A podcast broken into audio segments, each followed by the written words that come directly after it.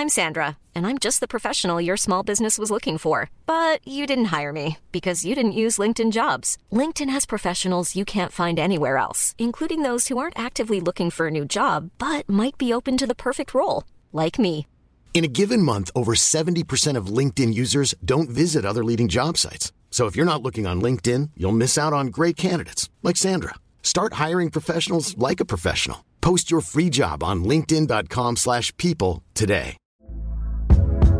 Hey there, it's Michelle Norris. I'm host of a podcast called Your Mama's Kitchen. When I travel, I'm usually looking for a way to find a taste of home when I'm not at home. And one of the things I love to do when I am at home is entertain. And Airbnb allows me to do that. When I was in California recently, I rented a house that had a great kitchen. And when we were sitting around the table, we we're all thinking, we're in someone else's house. Someone could be in all of our homes as well. If you have a home, but you're not always at home, you have an Airbnb. Your home might be worth more than you think. Find out how much at airbnb.com/slash host. Since 2013, Bombas has donated over 100 million socks, underwear, and t-shirts to those facing homelessness. If we counted those on air, this ad would last over 1,157 days. But if we counted the time it takes to make a donation possible, it would take just a few clicks. Because every time you make a purchase, Bombas donates an item to someone who needs it. Go to bombas.com slash ACAST and use code ACAST for 20% off your first purchase. That's bombas.com slash ACAST, code ACAST. Drible vekk, drible vekk, drible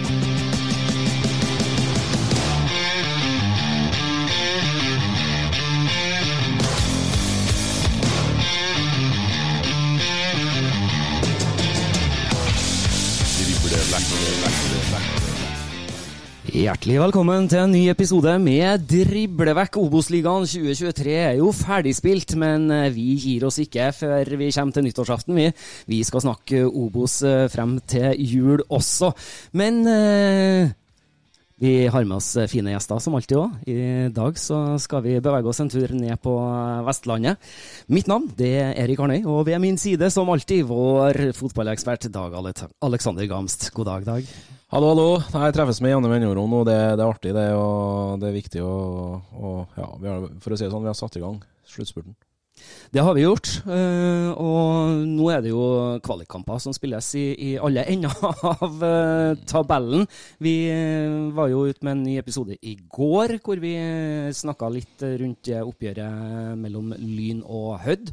Og så var vi også innom den kampen som skulle ha vært spilt mellom Start og Bryne.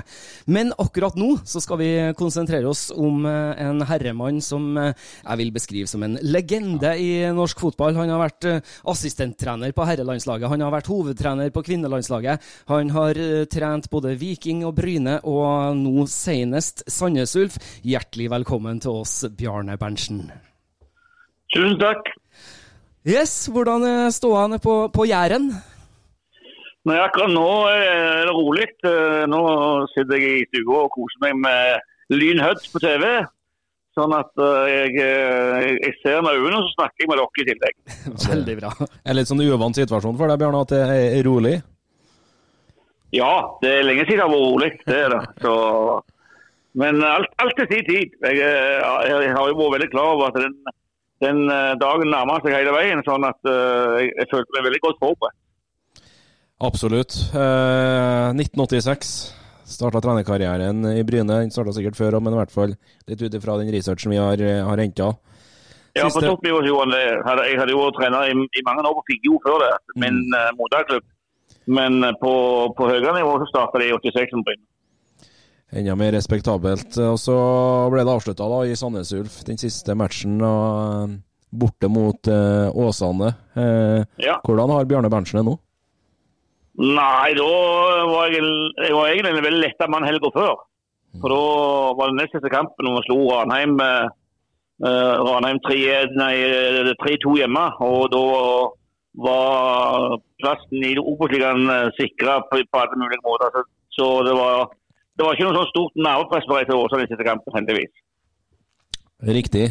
Du snakker jo om at du har visst at denne dagen kom til, kom til å komme. Når falt avgjørelsen på at dette her ble siste sesongen for din del i norsk toppfotball som trener?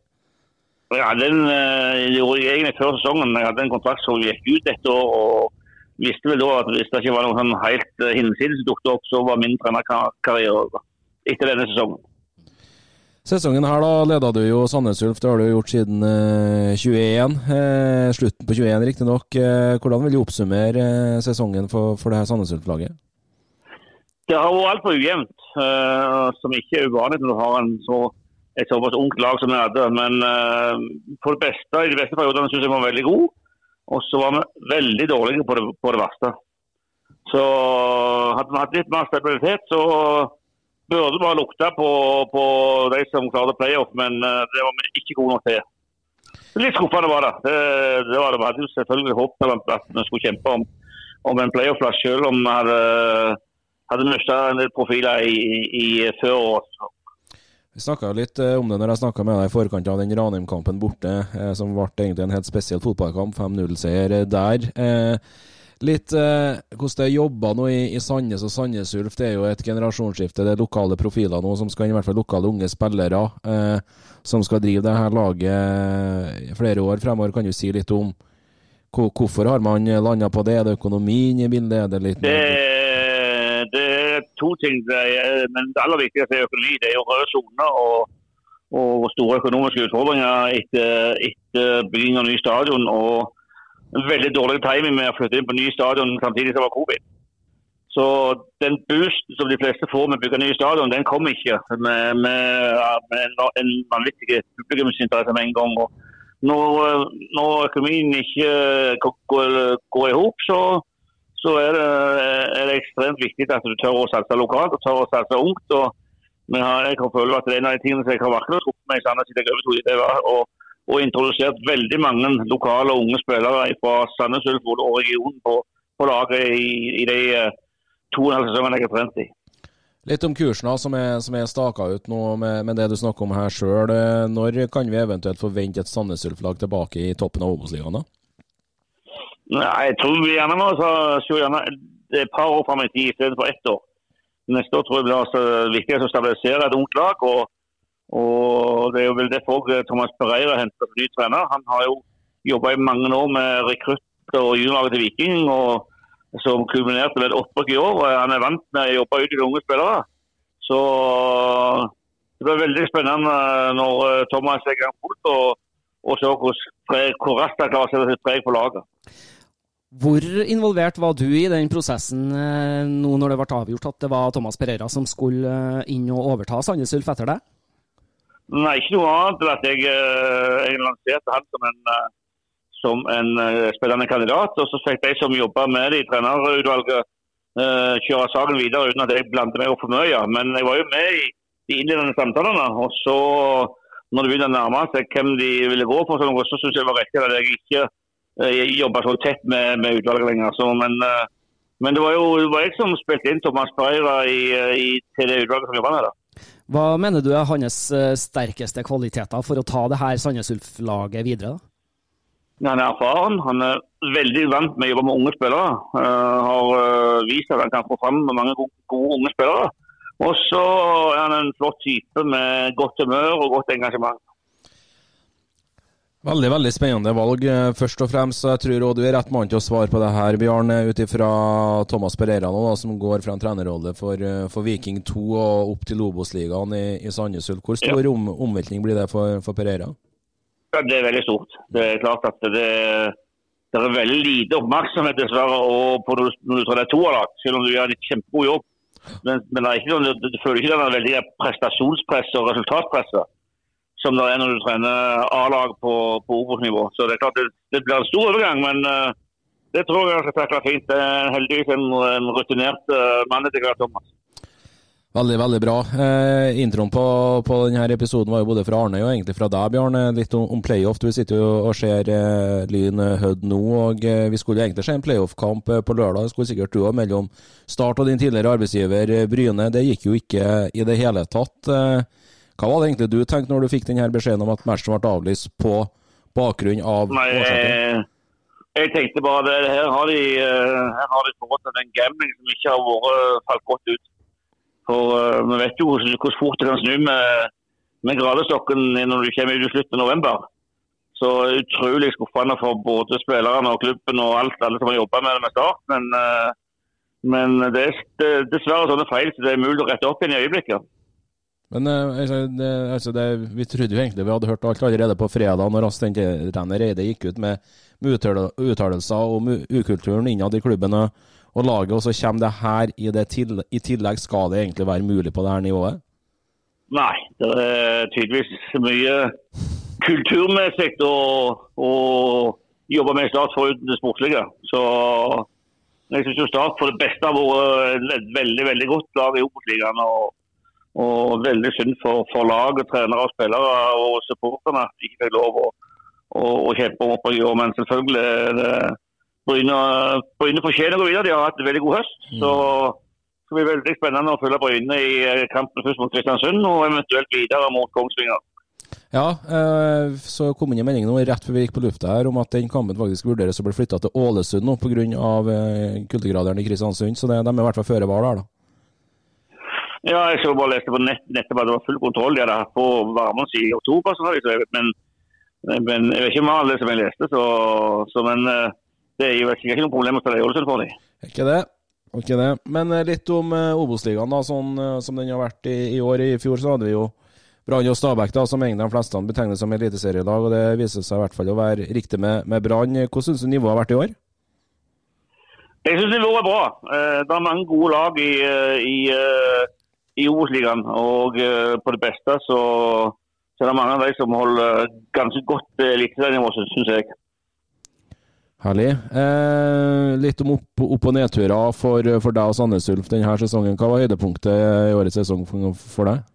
Nei, Høydepunktet var jo når vi, vant eh, fire på rad Mm. og tok et stort byks opp på tabellen, som var veldig viktig. Og da hadde vi også, eh, Før den tid hadde vi jo den eh, vi i vårsesongen med, med den brakseieren mot Ranheim etter fått en mann utvist tidlig. Mm. Og så tapte vi for, uh, for Sogndal. Og så var det, og så var det ei, rekke med fire raske uh, seire etter hverandre som gjorde at vi kom ut av uh, ut av uh, det å ligge for langt ned på tabellen. Største skuffelsen, da? Nei, Den største skuffelsen det var trinnet-tapet borte på Bryne. Vi hadde vært inne i den gode perioden. og Det var vel gjerne den, den eh, største skuffelsen de har sett. Og Det er alltid, det er alltid ekstra surt å tape et lokaloppgjør. Ja, og det, du spiller jo litt opp til det sjøl her. Nå ble det et lite troneskifte i år nå nede, på, nede i Rogaland da, med at det er Bryne da, som kom desidert, eller mange plasser foran dere på tabellen. Hvordan reagerer Ja Sandnes på det? og, og vi lå jo eh, det meste sesongen før i tabellen, så, så det var ikke Det er klart at eh, det, det er ganske surt, men, eh, men Bryne fortjente det. De hadde en eh, veldig god eh, avslutning på, på sesongen. og og vant vel sju av de elleve siste, var det det jeg leste en plass. Så, Ja, så, så alle ære til Bryne. Og så må vi bare innrømme at du ikke var god nok. Du, du var god nok på det beste, men du var ikke stabil nok. tenker du om sjansene til Bryne i playoffen? De starter på forhåpentligvis på onsdag. Etter, ja, etter, vi har jo sett eh, tidligere i år at er tidligere nå de siste årene at de lagene som kom på sjetteplass, har gjort det veldig bra. I fjor var det jo Kongsvinger som var på sjetteplass. og da gikk gikk jo helt til, til med det eliteserielaget. Så på, med, med, de nødvendige marginene med seg, så kan Bryne òg klare det. Men ja. i utgangspunktet så er Kristiansund og, og Kongsvinger eh, De har vist gjennom denne sesongen at de er litt bedre lag. Men hvor eh, avgjørende tror du det er at eh, de har eh, mye lengre spillepause nå, da, sånn som Kongsvinger, som, som eh, ikke skal spille for Ja, Terna? det er jeg, jeg syns ikke det er gunstig. eh, Og det kan være en av årsakene til at det, det laget som har kommet på sjetteplass, og som har vært i kampen hele veien, har en liten fordel i forhold til de andre. Nå fikk ikke Bryne fordelen av å spille nå på lørdag, men, men, eh, men i, i sånn, uh, generelt så tror jeg det er en fordel å holde seg i gang hele veien, ikke få det store hoppet og det store avbruddet. Jeg tror du er inne på noe vesentlig, Bjarne. så Det blir i hvert fall veldig veldig spennende å, å følge med nå. Det går eh, slag i slag, så vi får bare feste sikkerhetsbeltet og, og henge med, vi òg. Ja da, det, det er jo en veldig kjekk uh, Det er veldig kjekke playoff vi har i Norge, det syns jeg. Det, alt kan skje. Sant, jeg kan det. Det er kjempespennende. Det er ikke noe rart det kalles Kokosligaen, for å si det sånn. Nei, Nei det er riktig. Det- Nei, Men du har jo ikke bare en eh, trenerkarriere bak deg, Bjarne. Du, du har jo en fotballkarriere som, som spiller òg. Du, du nevnte det jo sjøl. Du, du var i Figgjo, eh, moderklubben, og så gikk du til, til Viking i 77 og, og spilte frem til 82. eh, Og fikk med deg litt landslagskamper òg i, i den perioden. Kan ikke du fortelle oss litt om, om den tida? Jo da, det, jeg, eh, jeg, var jo, jeg var jo veldig stedbonden til Figgjo. Og jeg var jo, jeg var jo over 20 år før jeg tok steget opp i- fra lokalklubben Figgjo til, til Viking. Og eh, samtidig som jeg gikk til Viking, så hadde jeg kommet inn på idrettshøyskolen i Oslo. Så jeg måtte flytte uh, fra Figgjo til Oslo for å gå på skole. Og da eh, var Figgjo var så liten klubb, og de hadde ikke henta meg hjem til kampene. Så da fant jeg ut at da må jeg da var tida inne til å prøve noe nytt. og Så var jeg ønska både av Viking og Bryne, som var topplag begge to. da. Og så ble det Viking som ble valget mitt. og Da var jeg jo veldig fornøyd, for da de henta meg jo hjem hele perioden jeg var på skole i Oslo. Sånn at eh, jeg slapp å være vekke for lenge om gangen ifra, ifra den fantastiske hjemstedet mitt. Ja, den er, den er veldig fin, og du forholdt jo deg som spiller òg, nede på Rogalandskysten, og klubbtrenerkarrieren din også, Bjarne. Valgte å holde deg hjemme i hermetegn, som, som jeg kaller det. Hva er årsaken til det, at du hele tida har vært, vært i Rogaland, bortsett fra Jeg er veldig, veldig veldig Nå var jeg i et år til Figgen. Så jeg er først oppvokst. Eh, Så jeg har bodd på Sandnes eh, de siste eh, tre åra. Og eh, i utgangspunktet for å komme litt nærmere familien til fruen min, som er fra Sandnes. Så likevel så har jeg, har jeg hatt tilhørighet på, på Figgen hele livet mitt. Og har hatt en fantastisk oppvekst og ungdomstid og alt det, det der. Så, så ja, det har ikke vært lett for meg å flytte derfra. Jeg hadde jo muligheten til både for, Ikke muligheten, det er ikke si, men jeg hadde forespørsel fra utenlandske klubber i eh, slutten av min karriere i Viking, men, eh, men det, var, det, var ikke, det var ikke fristende nok. Utlandet, hvor er du? Europa, eller er du Da var det Frankrike som var mest aktuelt. ja. Ja, stilig. Nivå, da?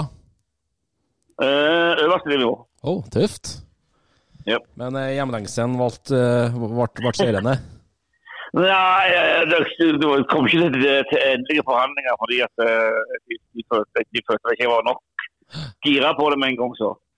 så eh, og det var nok mye pga. at, eh, at eh, jeg syns at eh, for meg så var Fiken liksom verdens midtpunkt, men eh, det er jo forstått etterpå at det ikke er.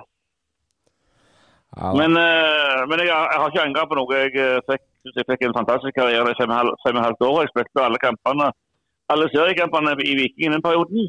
Mm. Uh, jeg så over en viktig kamp. Det var semifinalen i 82 med skade.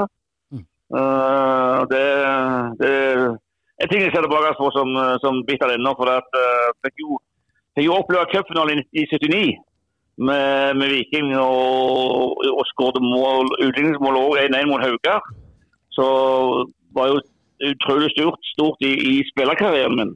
Sånn at uh, hadde, hadde hadde selvfølgelig et- sett for meg at det hadde vært veldig greit å avslutte det siste året i topphodet med en cupfinale, men da tapte dessverre Molde i semifinalen. Riktig. Ja, det er artig, artig å høre at du mimrer, Bjarne. Det, det er helt strålende. Det var litt av bestillinga av det her. Ikke sant? Ja. Og den strålende karrieren du har hatt, da, den har jo ført til utmerkelser. og Du fikk jo Kniksens hederspris i 2019. Hva betyr en sånn utmerkelse, Bjørne? Ja, den betyr enormt. Den, eh, jeg føler liksom at det er den høyeste utmerkelsen som, som er i, eh, i, eh, i, i norsk fotball og, og på toppsida. Jeg må si jeg ble eh, utrolig bedre når jeg uh, forsto at det var jeg som skulle få den, eh, den prisen i 2019 på, på, idrettsgallaen eller på, fotballgallaen. Veldig fortjent, i hvert fall. Det er det ingen som helst eh, tvil om eh, heller. Eh, Arne nevnte jo innledningsvis, du har jo vært hovedtrener for eh, kvinnelandslaget vårt og hatt eh, suksess der. Hvordan var det å gå fra en hovedtrenerstilling for et herrelag over på, på, på et damelag?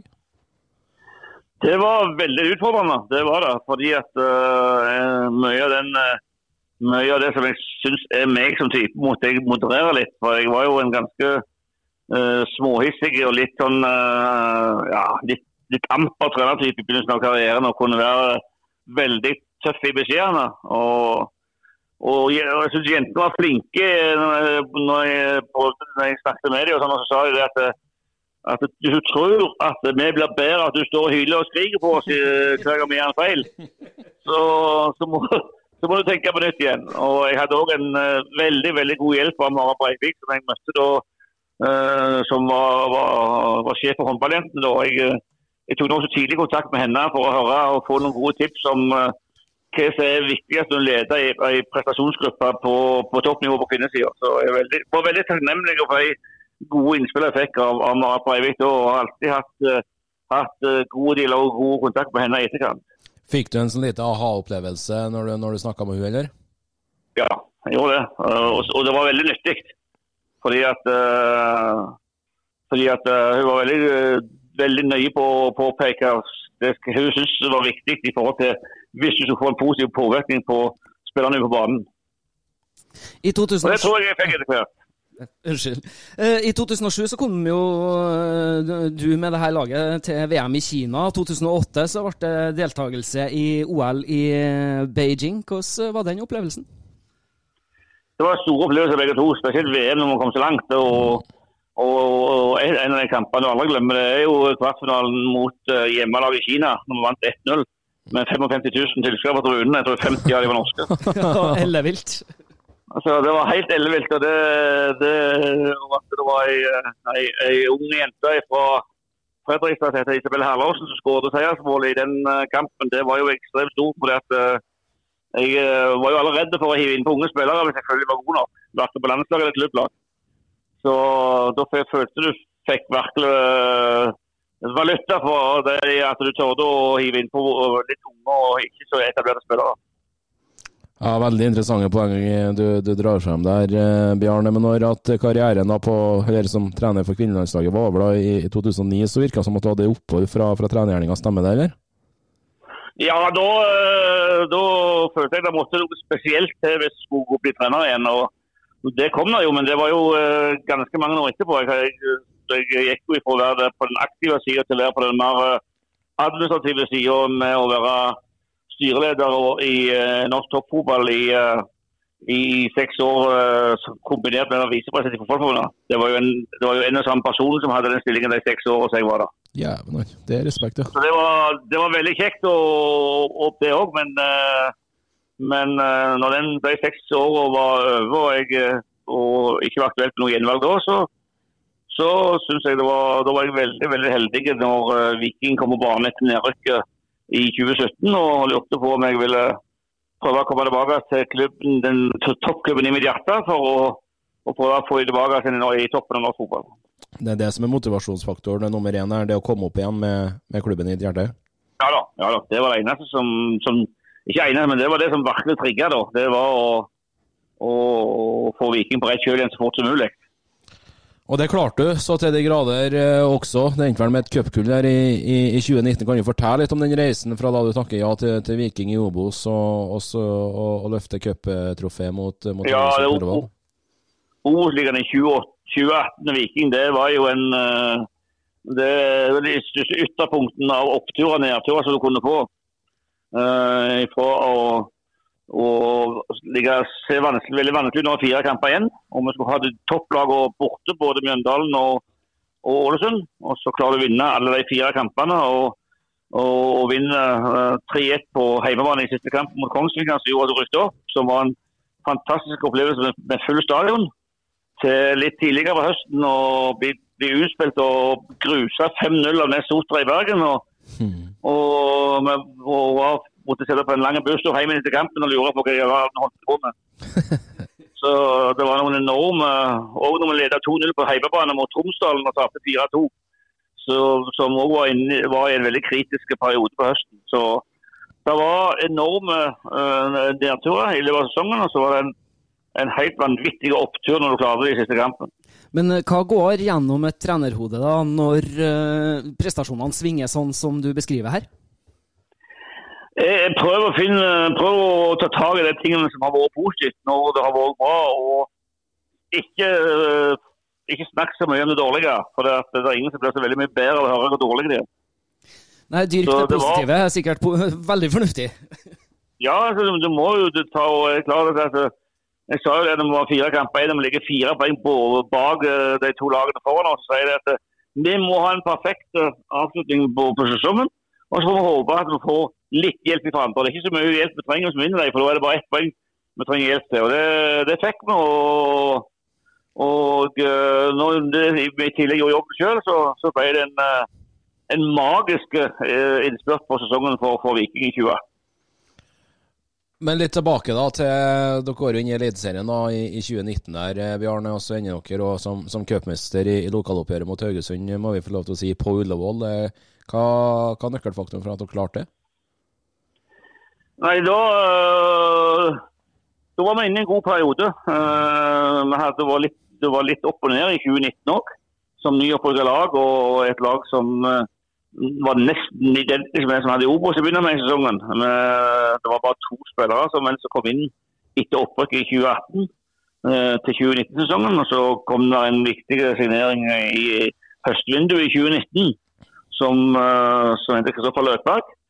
Som, eh, som gjorde en eh, fantastisk eh, jobb for Viking den høsten 2019 som kulminerte med, med cupgullet. Så, så det var en det var en fantastisk opplevelse å, å være på Ullevål og føle at du hadde kontroll på, på, på cupfinalen og, og vant en, en fortjente seier.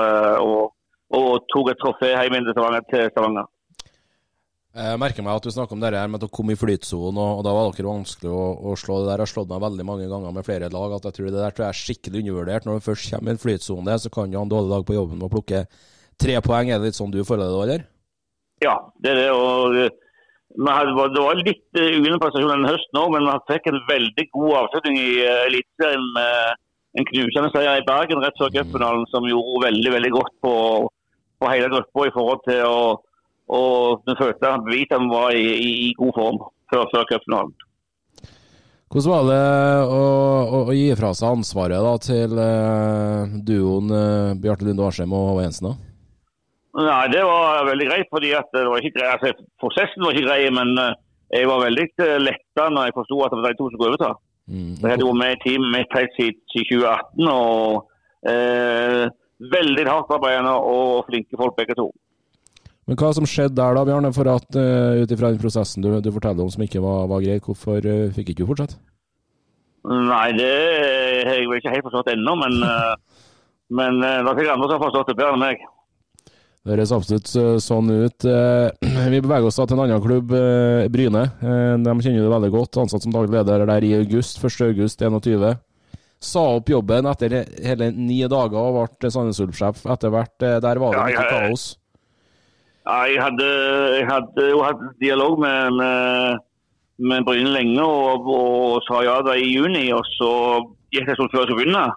Og så kom Sandnes Ulf på banen med, med et tilbud som trener og ikke daglig leder. Og da følte jeg på meg selv at jeg bodde rett i nærheten av stadion på Sandnes. Så følte jeg at dette hadde jeg skikkelig lyst til.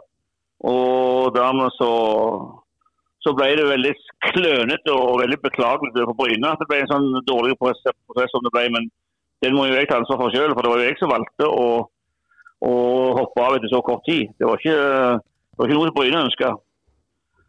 Men, men sånn skjer i fotballen av og til. At du, har sagt ja til noe, og så føler du at det kommer noe, noe annet som er mer interessant og spennende, som du heller vil. Og da ble det dessverre en, en skadelidende part i det. og og jeg har jo hatt, uh, etter en god år hadde i Bryne i på 80-tallet med, med bl.a. Køkkel i 1987, så, så er det klart at jeg hadde en veldig, jeg hadde en veldig dårlig egen følelse selv for den skuffelse som jeg, som jeg visste at, uh, at jeg påførte Bryne. da. Vi har jo en del lyttere som eh, følger oss på Twitter og driver og sender inn eh, litt spørsmål til oss når vi har gjester på besøk. Og i eh, forbindelse med dagen i dag så har Sokkermannen skrevet et spørsmål til oss, og da skriver han som følger.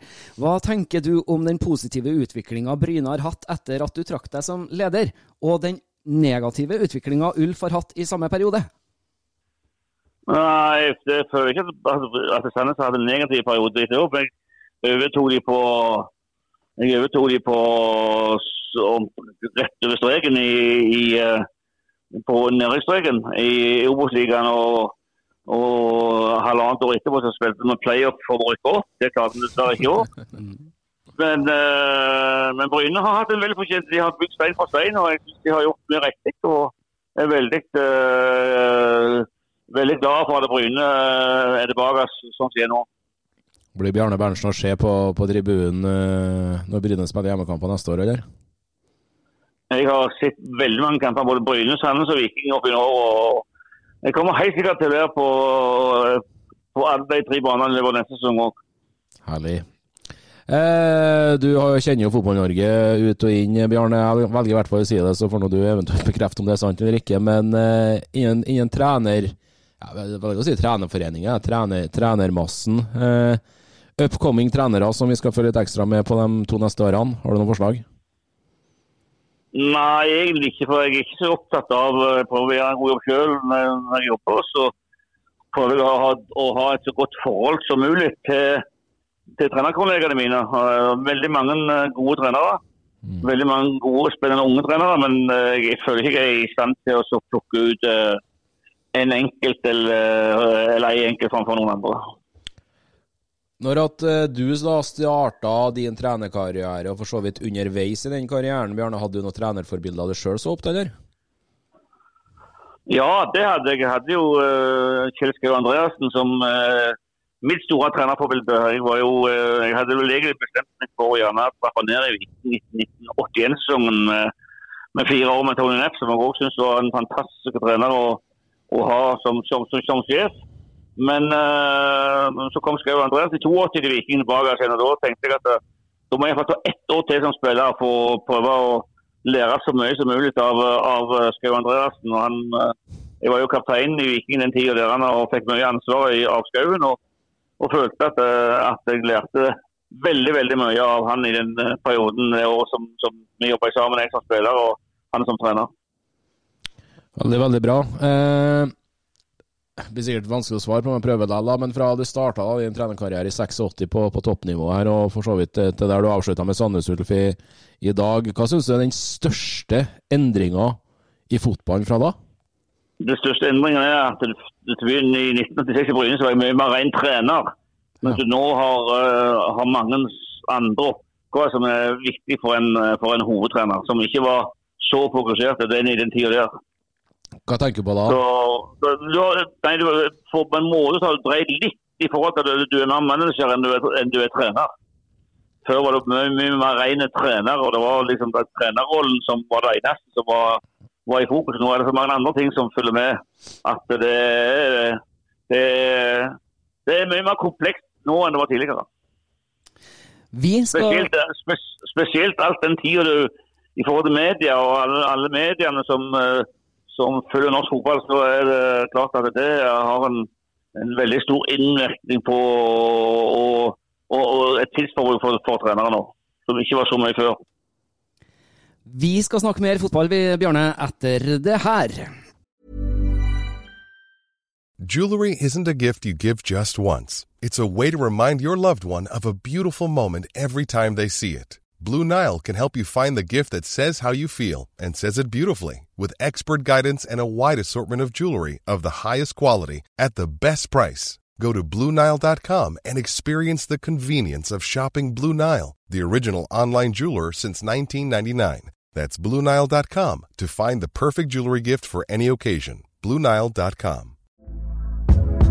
Hey there, it's Michelle Norris. I'm host of a podcast called Your Mama's Kitchen. When I travel, I'm usually looking for a way to find a taste of home when I'm not at home. And one of the things I love to do when I am at home is entertain. And Airbnb allows me to do that. When I was in California recently, I rented a house that had a great kitchen. And when we were sitting around the table, we we're all thinking, we're in someone else's house. Someone could be in all of our homes as well. If you have a home, but you're not always at home, you have an Airbnb. Your home might be worth more than you think. Find out how much at airbnb.com/slash host. Hey, Dave. Yeah, Randy. Since we founded Bombus, we've always said our socks, underwear, and t shirts are super soft. Any new ideas? Maybe sublimely soft. Or disgustingly cozy. Wait, what? I got it. Bombus Absurdly comfortable essentials for yourself and for those facing homelessness. because one purchased equals one donated. Wow, did we just write an ad? Yes. Bombas. Big comfort for everyone. Go to bombas.com slash ACAST and use code ACAST for 20% off your first purchase.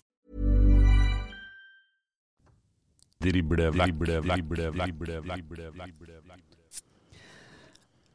Eh, fortsetter litt på, på utviklinga av, av fotball, og for så vidt i din trenerkarriere, Bjørn. Hva syns du er den største endringa i spillet fotball da, fra 86 til, til der vi er i dag? Det er jo tempo. Ja. Tempo og at du får så mye mindre tid. Eh, både med og uten ball. Altså, det er en helt annen intensitet. Og Det er jo litt, litt artig når du sitter og ser gamle klipp. Og så lurer du på kommer det snart noen opp i press. Eller skal du liksom holde på helt alene der? Så det, og Spesielt i forhold til i slutten av, av min spillerkarriere. Som, men det var jo veldig nærme min begynnelse. På, min spillerkarriere på slutten var jo veldig nærme min trenerkarriere på, i begynnelsen. Så, så det, den perioden er jo, er jo ikke veldig lang. Jeg slutta i 82, begynte i 86 allerede som topptrener, bare 29 år gammel. da. Sånn at uh, jeg følte det, uh, når jeg ser tilbake på cupfinalen i 1979, så ser jo hvor mye senere det går enn i 2019, når det var de samme lagene. Bare at de het, het de Haugar i 79, mens de heter Haugesund i 2019. Så var det Viking likevel. og Det er klart at det, eh, det er da du lurer på om det av og til om det er samme idretten. Ja, det, er- det er veldig essensielt. eh, Det du snakker om. eh, Du snakker litt om eh, fra du ga det som spiller og ble, ble trener. eh, Hva var det som trigga for, for å bli fotballtrener, og for så vidt eh, på det øverste nivået? Nei, det var jo for jeg hadde vært trener siden jeg var 16 år på Figgjo med, med, med de mindre. Og så i 1981 eller 80 så overtok jeg som, som, uh, som hos, hovedtrener uh, mens jeg spilte i Viking. Og når jeg kom tilbake som Viking, så fortsatte jeg i Figgjo som spillende trener. Så jeg hadde, jeg, eh, jeg hadde vært veldig opptatt av uh, Jeg var jo en veldig treg spiller. og når du er en veldig treg spiller, så virker det som det er en tendens til at da er det eh, da må du kompensere noe. Da må du kompensere det med litt lurhet og litt eh, taktisk klokskap. Når du ikke har den gjerne eh, fordelen av å være en, veldig rask spiller. Så kan jo en av årsakene til at jeg ser at det går igjen at det er veldig mange av de som har hatt store trenerkarrierer, når de har vært spillere selv, så har de vært eh, ja, i den enden av skalaen som gjør at de ikke er temposterke. i alle fall.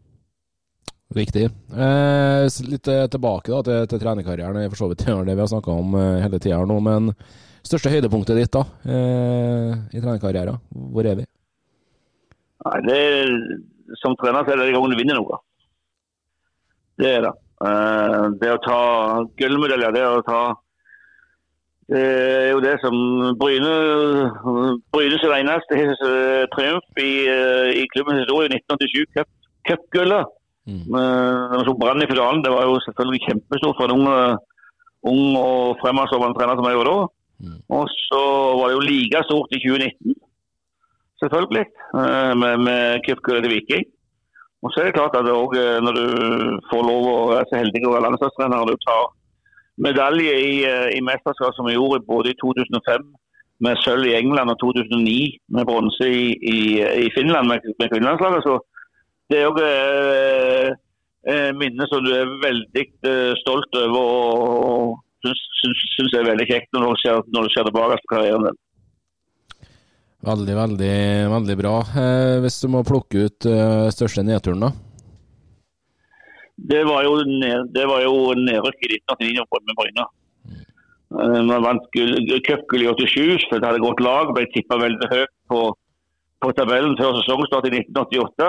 Fikk en veldig dårlig start. og Jeg gjorde mye dumme ting som, som trener når vi fikk en dårlig start. og Klarte aldri å rette det opp igjen. og Endte med at vi til slutt tapte etter, etter å ha tapt eh, playoff-kamper. Gjør... Det var jo det, det er den største nedturen. når du gjør mye dumt som fotballtrener i 1989, hva gjør du da? Nei, 1980 1980 Hva var det? 1988, var det vel? Ja, det var 1988.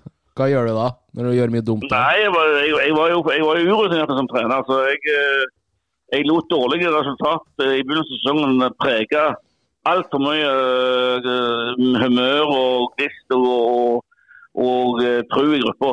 Og bidro ikke til at vi, vi kom ut av den dårlige trenden neste år. Eh, Så hadde jeg vært, hadde jeg vært litt mer rutinert, så hadde jeg sikkert uh, takla det på en bedre måte enn jeg gjorde. Eh, for du må, ikke, du må ikke la, la, la nederlaget i begynnelsen av sesongen prege for mye, for da, da kommer du inn i en for dårlig stil. Hvis vi tar Thomas Pereira da, som kommer opp i den øverste toppfotballen eh, i Obos her nå, hvor mange år må en trener som møter norsk toppfotball da, for første gang ha i den bransjen før man er fullstendig klar over hva han driver med og er sikker på seg sjøl? Ja, jeg tror han er veldig sikker på det allerede nå med den, den lange karrieren han har hatt som trener. Selv om han ikke var på toppnivå, så har det vært en toppklubb. Mm. Så det Og de fleste er nå så opptatt av uh, å kjenne så godt uh, mekanismen når de på laget som konkurrerer mot alt, at jeg, uh, jeg tror at han kommer til å sette sitt preg på den, det preget han vil på sammenslaget, tror jeg han kommer til å sette veldig fort. Bra. Ehm, skal vi se her eh, Vi snakka litt om litt playoff og matcher sånn som, eh, som pågår nå. Det ser ut som det går riktig bra for Lyn her. 3-0 eh, og snart ferdig på, på Nadderud. Bjarn roter ikke bort det her Ulsteinvik? Nei, Det er fantastisk utgangspunkt. Men det er klart alt kan skje. Men, men hvis det blir 3-0 til slutt, så, så har Lyn tatt et vanvittig viktig skritt mot å komme tilbake til en toppfotball. Hvor imponerende vil det her være for, for Lyn å, å rykke opp eh, etter denne sesongen? da? Det er veldig imponerende. Det, de, de var jo tross alt på ett nivå lavere når du ser bare ett år tilbake i tid. Så det å få klare to opprykk to år etter hverandre, det er alltid imponerende hvis de klarer det. Jan Halvor Halvorsen har eventuelt sitt åttende opprykk som fotballtrener. Det er jo imponerende, hvis de klarer det. Ja, det er, det er en fantastisk statistikk. Den er ikke lett å matche med for noen trenere. Det er ikke det, hvis vi ser litt på den andre enden av uh, tabellen, da. Um, hvem tror du blir Obos-laget som møter eliteserielaget i playoff der? Uh, hva er det eliteserielag? Nei. Hvilket lag fra Obos-ligaen møter eliteserielaget i playoff? Å ja, ja, ja. Nei, jeg uh, har vel en liten hunch på Kristiansund. Men, uh, men jeg, eh, det er bare sånn ut fra det vi har møtt i år, og så syns jeg gjerne at de på det beste var det beste. Og så jo, ble vi jo gruset av Kongsvinger òg i, i høst. Eh, så det er vel uh, ett av de få lagene som vi tapte begge kampene for i li- ligaen i år. Det var jo om det var bare to lag vi tapte begge mot. Og da var i hvert fall Kongsvinger et av dem. Så det du sier der, det at eh, Bryne vil, eh, vil skåre på to av tre postulater. eh, Skal så fotballglede, dyrke talent, men det blir ikke høstene noe mirakel på onsdag? Det kan det være. Det kan det godt være. for Bryne har, har vist at de kan hamle opp med alle lag i, i Obos-ligaen på sin beste vei. Så jeg syns det er så åpent at det er nesten umulig å, å, å si at det er en fornuftig tipping. Hva vil du Det er bare en liten magefølelse. Mm. vil du tro det vil være avgjørende om kampen blir spilt i Kristiansund eller i Ålesund? Nei. Nei, det tror jeg ikke. Uh, det her er jo en Obos-ligapodkast, Bjarne, men eh, det er sinnssykt jevnt i bånn i Eliteserien også. Det er vel fem av åtte matcher nå til helga som har, eh, har betydning. Uh, hvem tror du blir laget fra Eliteserien som er ute i kvalik, da? Ja, Det blir veldig spennende. fordi at uh, det, det svifter jo fra minutt til minutt. og Den, uh, den skåringen til, til Stabæk på straffe på overtid, fire med på overtid, den uh, kan være helt avgjørende for at det ikke blir dem. Så nei, Det er mest umulig å spå, men det, er- jo innbyrdes oppgjør hvem mye legger Lillestrøm i å slå Sandefjord. Når, når en, en Sandefjord-seier kan være bad news for, for Vålerenga. Vålerenga har jo i utgangspunktet gjerne den tøffeste motstanderen selv, med et uh, Tromsø-lag som har imponert veldig i år.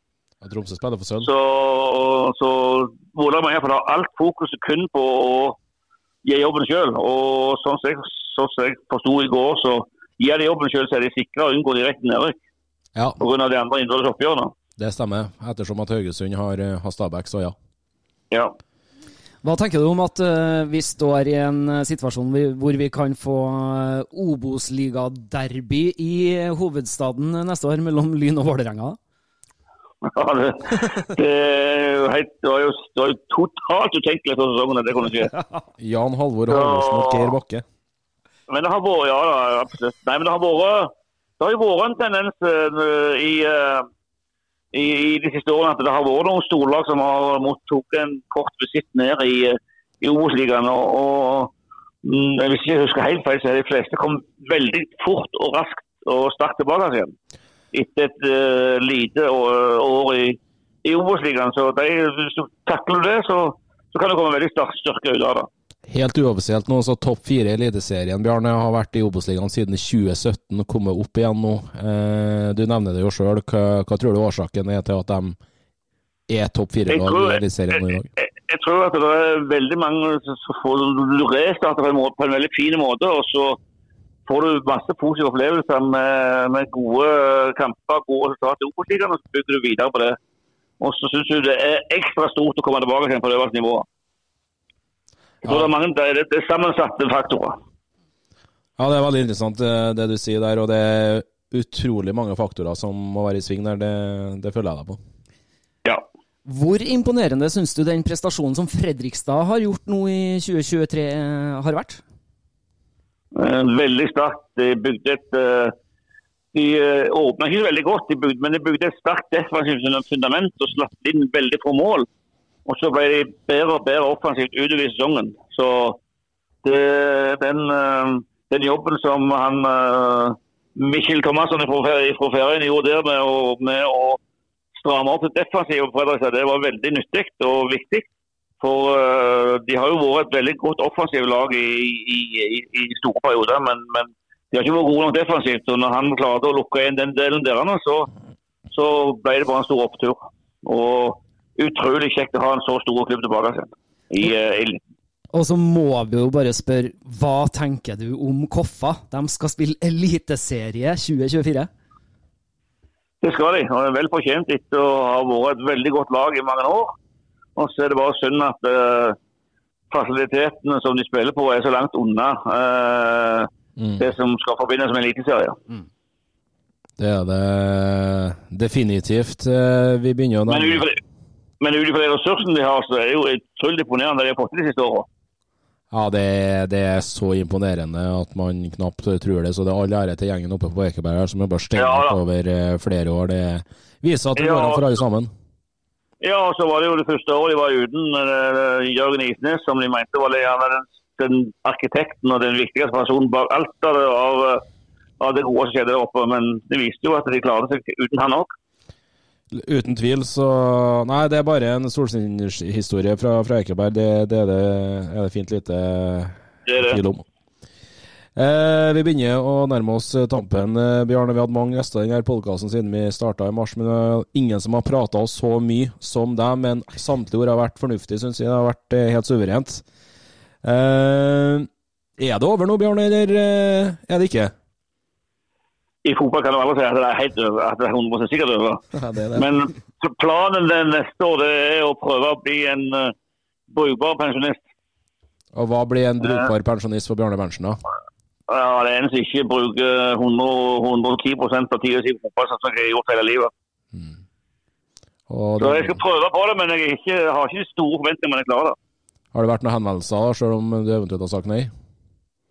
Ja, det har vært noen lokale henvendelser, men, uh, men jeg føler liksom at tid og ja, Nå har jeg brukt såpass mye tid på det i hele livet mitt at det kan være fornuftig å, gjerne finne noe på på deltid som kan være, være interessant å holde på med. Men eh, vil du bli se ruslende rundt omkring eh, på, på Figgjo eh, og, og, og, sparke i gresset, skulle jeg til å si? Ikke, ikke, så mye som tidligere, i og med at jeg vi flytta til Sandnes i 2019, høsten 2019. Så, så, det er ikke den, så er ikke den så mye som jeg var før. Men jeg, jeg har jo fortsatt på frivillig basis så, så fører jeg regnskap for alle fire fem gruppene de er, de er Storosida. Så jeg, jeg, bruker, jeg bruker enda masse tid på, på den store lidenskapen Figgen som jeg alltid har hatt, men, eh, men, eh, ikke på samme måten som tidligere. Jeg må innom en eh, ting som ikke har spesielt mye med fotballen å gjøre, for du eh, er jo lokalpolitiker òg, du Bjarne. Du representerer Arbeiderpartiet i kommunestyret i Sandnes. Eh, Fortell litt om det engasjementet. Jeg var. Du var? Ja, jeg sa nei til gjenvalg. og så ble det gjenvalg etter fire år. Jeg følte jeg hadde Jeg hadde ikke ork og overskudd til, til, til å forplikte meg for fire nye år i den alderen jeg er i. Sånn at øh, Jeg syns det var veldig spennende å være med i fire år, men, øh, men det var nok for meg.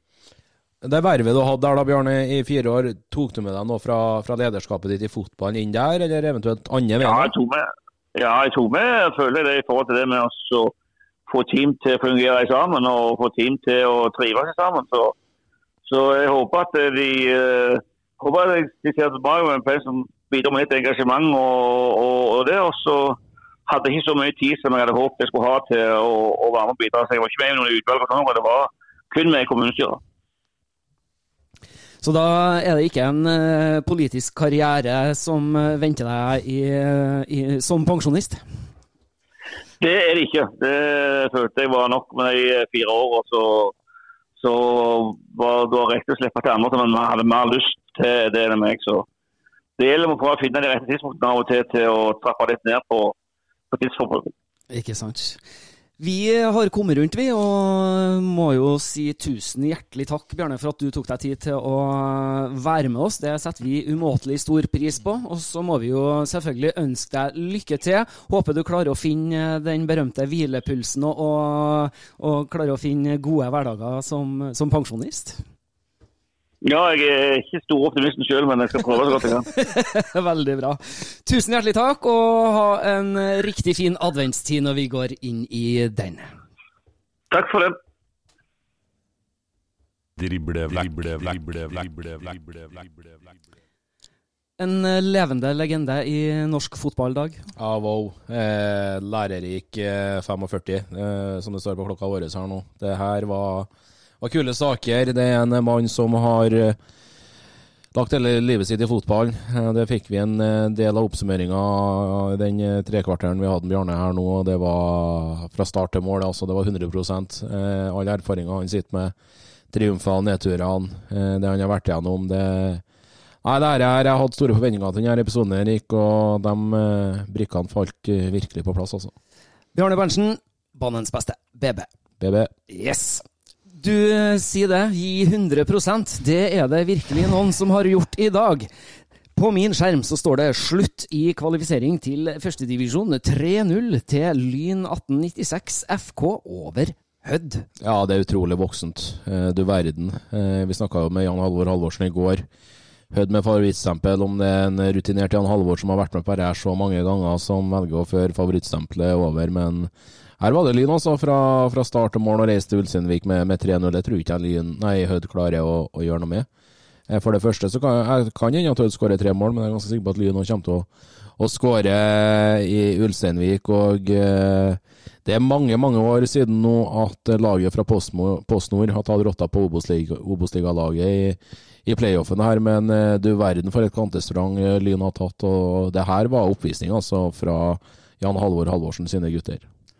Det vil si at det, det nærmer seg et faktum at vi får noen sånne drømmeoppgjør i Obos-ligaen 2024 i dag. Ja da, det kan virkelig godt hende. Jeg satt og hørte litt på, på radio og podkast på tur inn her nå. Og, eh, jeg vet ikke hva de kaller seg, men regnesentralen, regnskapssentralen, jeg har vært som sitter på tallene, og prosentregninga var 55% på et Vålerenga-nedrykk. Eh, men litt som Bjarne Berntsen sier her, det er tre kamper som vil leve sitt eget liv. Det kan snu på ett minutt, liksom. og eh, Vålerenga har fullsatt Intility. De har hatt taket på Tromsø på de siste elleve oppgjørene. Ni seire, to uavgjort og ingen Tromsø-seire. Eh, så det, det er noe med det. og Det er Tromsø-lag som reiser til Oslo for å spille om sølv, så det, nei, det blir den kommende søndagen her, det tror jeg blir en, eh, en eh, manndomsprøve for enhver fotballsupporter som har et forhold til Vålerenga, Sandefjord, eh, Haugesund og, og Stabæk. Det er mange som kommer til å sitte med høy puls i helga. Ja, Jeg tror jeg kommer til å gjøre det sjøl òg, så gjør noe forhold til lagene. Du har jo tenkt å rigge deg opp med opptil flere TV-skjermer og få med alt som skal skje i helga, du. Ja da, det, man kan ikke leke butikk på søndag. Man kan ikke det. Da tar vi oss og tar turen opp i, i loftstua og plukker ned TV-en som står der, og så setter vi den vegg i vegg med den som står eh, på stua, så vi, så vi får, eh, får med oss full pakke her. Det blir utrolig spennende. Eh, Det er mye avgjørende fotballkamper som skal spilles eh, i eh, de ukene vi går inn i her nå. Og så blir det jo spennende å se da, hvordan eh, både tabell og kvalik står seg til jul. Ja da, det gjør det. Er du inne på det? Allerede onsdag nå så får, får KBK besøk av Bryne om den matchen blir spilt på, på Nordmøre stadion. Om de til Ålesund, det spiller liten, liten rolle. Det er kunstgress. Banen er like stor, og målene står på samme plass, skulle du si. Og så får vi se da hvem av de to lagene som må reise til Gjemselund ja, eh, til, til helga og, og møte et Kongsvinger-lag som ikke har spilt en tellende fotballkamp demmer da, siden 12. Eh, november, er det vel. Eh, og eh, Nei, 12. november, sier jeg. Eh, enda tidligere.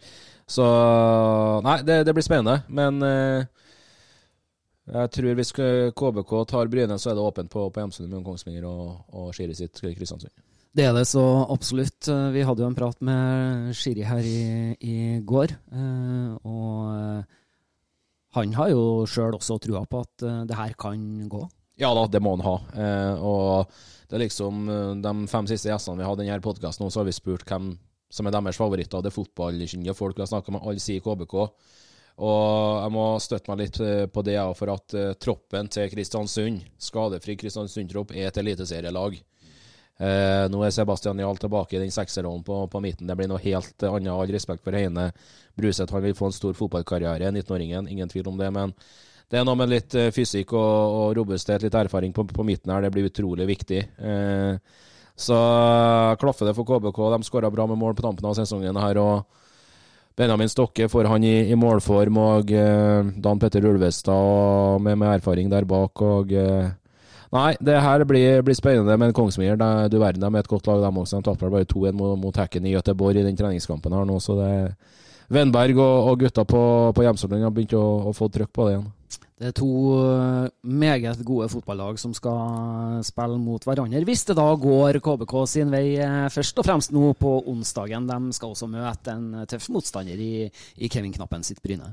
Ja, de skal det, og så ble det ikke sånn som eh, alle har tenkt nå, at faktisk Bryne skulle spille minimum 90 minutter mot start på lørdag, men eh, det vil si at det er to lag som går inn egentlig med samme utgangspunkt eh, til, til onsdag, og så får vi se om det er fordel KBK eller Bryne. Men uansett så er Kristiansund soleklare favoritter hjemme mot Bryne. De er et godt hjemmelag. Eh, de eh, er der de har tatt de fleste poengene sine. Bryne har vært svak eh, borte, og skal Bryne slå KBK, så er det en overraskelse. Det er det. Eh, KBK beveger jo seg opp mot eh, å, å, å, å ta en liten omvei i forhold til det vi tippa på vårt eh, tabelltips før sesongen. Vi tippa jo dem på direkte opprykk. Ja, vi gjorde det, og det gjorde egentlig samtlige som eh, hadde et forhold til Obos-ligaen, skulle du si. Eh, I hvert fall eh, velger å si at de hadde og har det. Men eh, de kom skjevt ut. Eh, kom utrolig skjevt ut. og Også starte med, med hjemmetap i premieren der mot, eh, mot Fredrikstad. 1-0 og 4-0 i Kristiansand. Borte for Start, så kommer første seieren i runde tre. Er det vel mot, mot Kongsvinger, der som fikk, fikk tre på stripe der da, med, med tøff motstand. Og så kladda det under Christian Mikkelsen, spesielt på bortebane. Vant kun én bortekamp der mot, mot Mjøndalen. Under Mikkelsen sin ledelse. Skiri kommer inn i starten av august, er det vel, og starter med seier borte mot Moss. og eh, Gikk vel ubeseira på bortebane. Skiri etter han tok over det her KBK-mannskapet. Kun, eh, kun to tap hjemme da mot, eh, mot Koffa og, og Graufoss i nest siste runde, men det var et KBK-lag som skåra utallig mye mål under Amund Skiri, og til slutt så ble også Kristiansund det mestskårende laget i Obos-ligaen med 56 skåringer, der de avslutta med 0-5 borte mot Skeid på, på Hønefoss. Hvor eh, viktig tror du det var det tidspunktet valget for trenerskiftet i eh, Kristiansund var?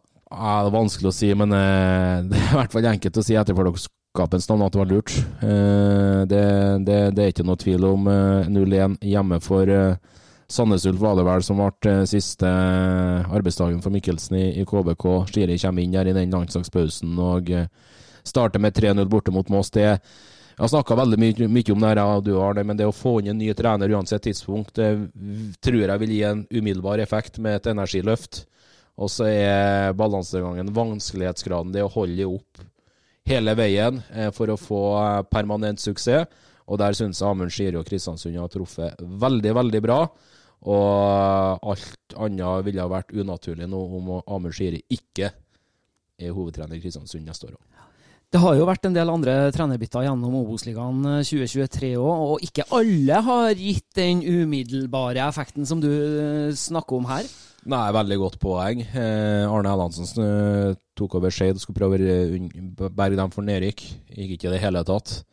Vant én match eh, hjemme mot eh, Sandnes Ulf, var det vel sånn helt, eh, helt uoffisielt. Og de rykka ned for flere måneder siden. Skulle, skulle jo si Skeid var var sjanseløs. Eh, Tore André Flo og Sogndal begynte veldig bra, men eh, rakna jo totalt av siste tredjedelen på, på sesongen. Et Bryne-lag som fikk en utrolig skeiv eh, start. Formasjonsendring, gjorde et takt, par taktiske grep. Trenergruppa og trener Kevin Knappen, som ga dem en, en sjetteplass. Vant vel syv av de siste elleve her. og det, det sier jo litt om den, den avslutninga det her Bryne-laget hadde, hadde, nede på, på, på, på Jæren. og eh, Kongsvinger òg. Eh, starta steinbra med, med Vegard Hansen, direkte opprykksplass hele veien. Og så kladda det utrolig 11 poeng på de siste ti under Hansen. Johan Wenberg inn der, tre strake seire. Eh, og har muligheten til å spille eliteserie da, med den tredjeplassen i Obos-ligaen. Så det, det, her har litt med hvordan ser det ut i klubben, hvordan spillere har man til rådighet, eh, hvilken trener, selvsagt, hvilken filosofi, i det.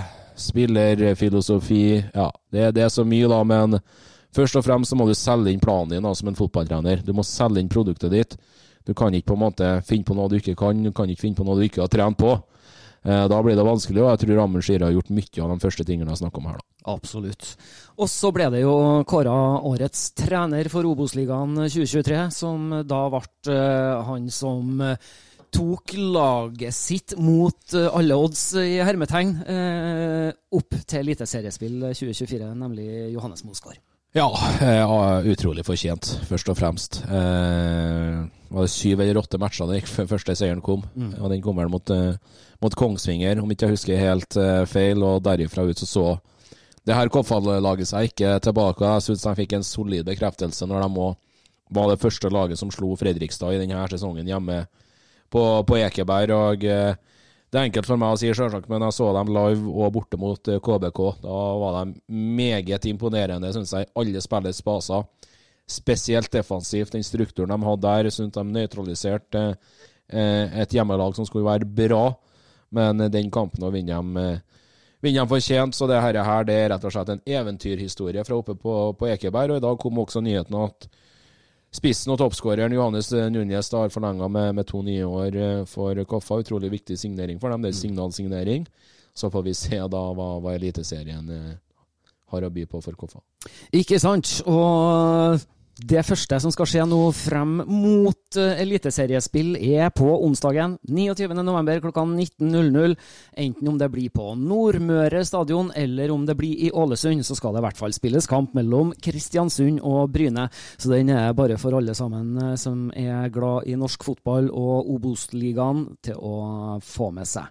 Viktig, viktig. Vi eh, begynner å nærme oss eh, slutten på denne eh, episoden.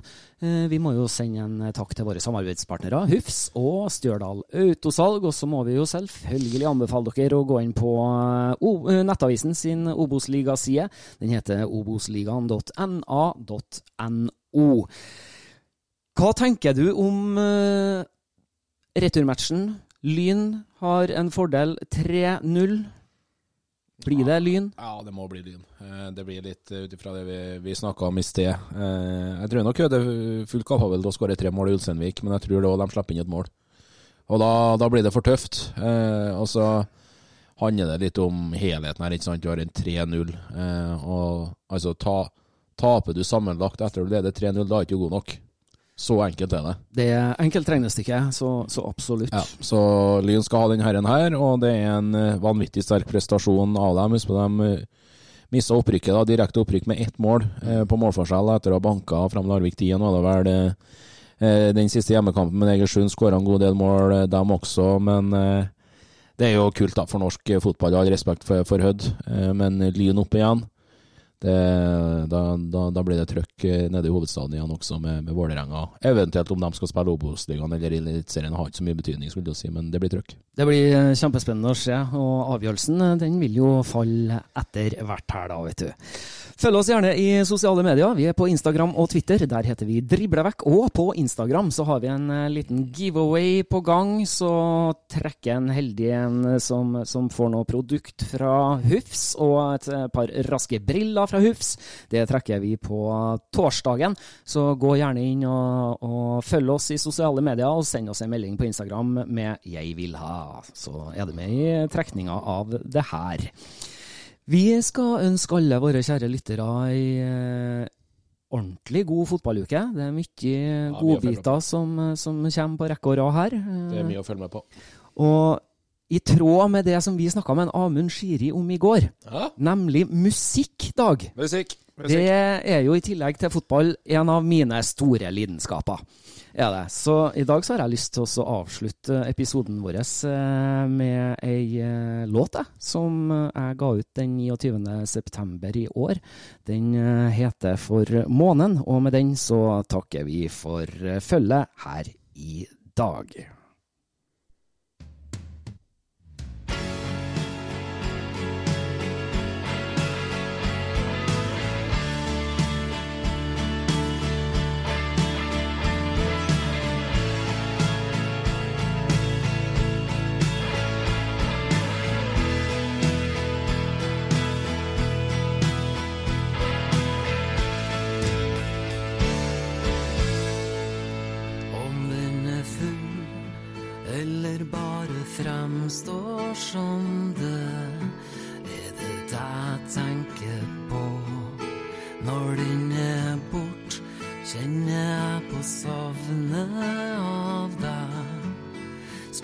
Ønske at du var